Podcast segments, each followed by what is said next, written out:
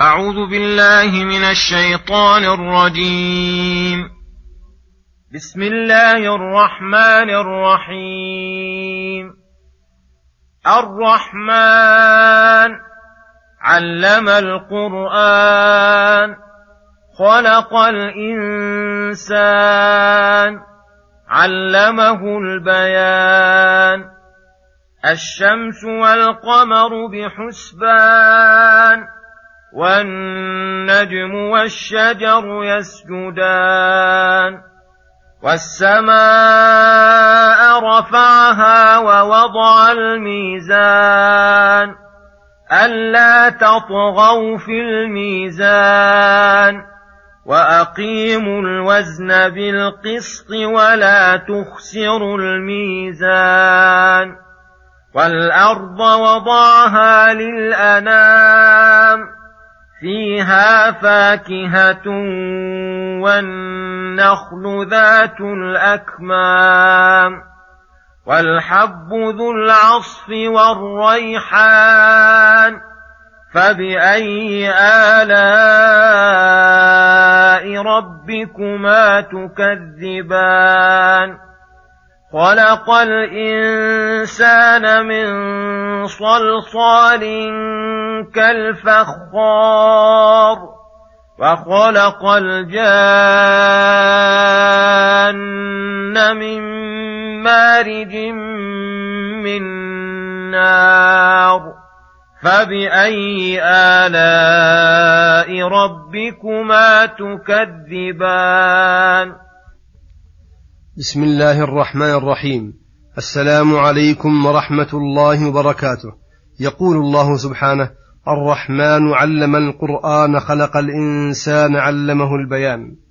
هذه السورة الكريمة الجليلة افتتحها باسمه الرحمن الدال على سعة رحمته وعموم إحسانه وجزيل بره وواسع فضله ثم ذكر ما يدل على رحمته وأثرها الذي أوصله الله إلى عباده من النعم الدينية والدنيوية والأخروية وبعد كل جنس ونوع من نعمه ينبه الثقلين لشكره ويقول فبأي آلاء ربكما تكذبان؟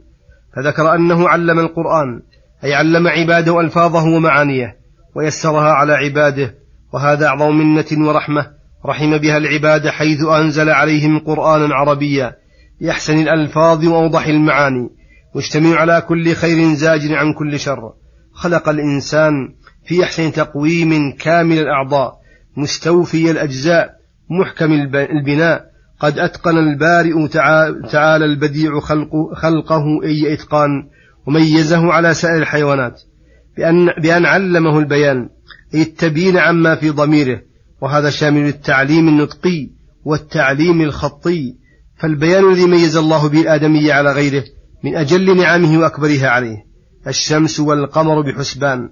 أي خلق الله الشمس والقمر وسخرهما يجريان بحساب مقنن وتقدير مقدر رحمة بالعباد وعناية بهم وليقم بذلك من مصالحهم ما يقوم وليعرفوا عدد السنين والحساب. والنجم والشجر يسجدان أي نجوم السماء وأشجار الأرض تعرف ربها وتسجد له وتطيع وتخضع وتنقاد لما سخرها لهم من مصالح عباده ومنافعهم. والسماء رفعها سقفها للمخلوقات أرضية ووضع الميزان أي العدل بين العباد في الأقوال والأفعال.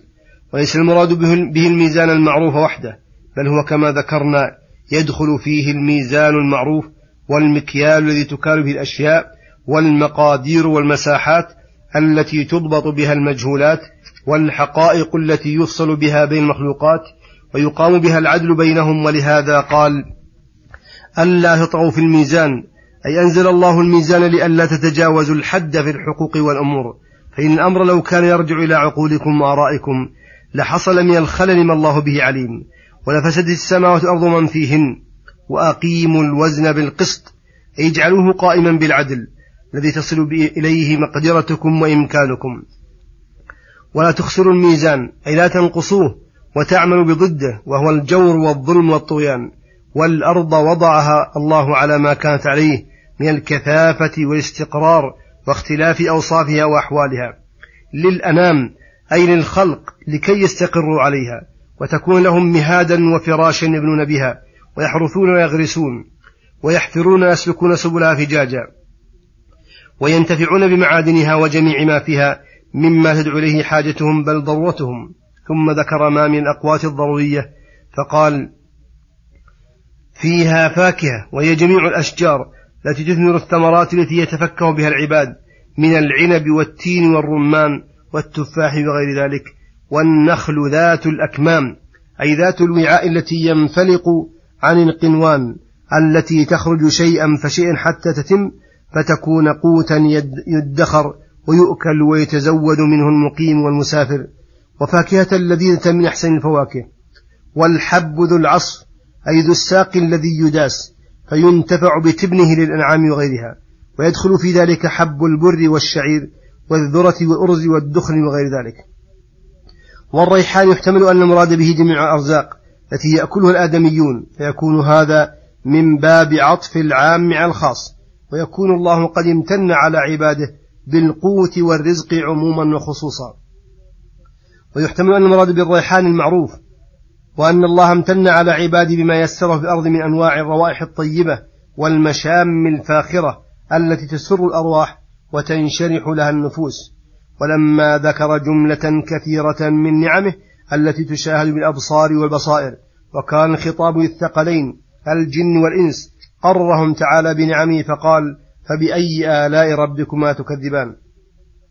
أي فبأي نعم الله الدينية والدنيوية تكذبان؟ وما أحسن جواب الجن حين تلا عليهم النبي صلى الله عليه وسلم هذه هذه السورة فكما فكلما مر بقوله فبأي آلاء ربكما تكذبان؟ قالوا ولا بشيء من آلائك ربنا, ربنا نكذب فلك الحمد. فهكذا. ينبغي للعبد إذا تليت عليه نعم الله وآلاؤه أن يقر بها ويشكر ويحمد الله عليها. ثم قال تعالى خلق الإنسان إلى قوله تكذبان. وهذا من نعمه تعالى على عباده حيث أراهم من آثار قدرته وبديع صنعته أن خلق أبا الإنسان وهو آدم عليه السلام من صلصال كالفخار أي من طين مبلول قد أحكم بله وأتقن حتى جف فصار له صلصلة وصوت يشبه صوت الفخار وهو الطين المشوي وخلق الجان أي أبا الجن وهو إبليس لعنه الله من مارج من نار. أي من لهب النار الصافي أو الذي قد خالطه الدخان. وهذا يدل على شرف عنصر الآدمي المخلوق من الطين والتراب الذي هو محل الرزانة والثقل والمنافع. بخلاف عنصر الجان وهو النار التي هي محل الخفة والطيش والشر والفساد. وصلى الله وسلم على نبينا محمد وعلى آله وصحبه أجمعين. وإلى الحلقة القادمة غدا إن شاء الله. والسلام عليكم ورحمة الله وبركاته.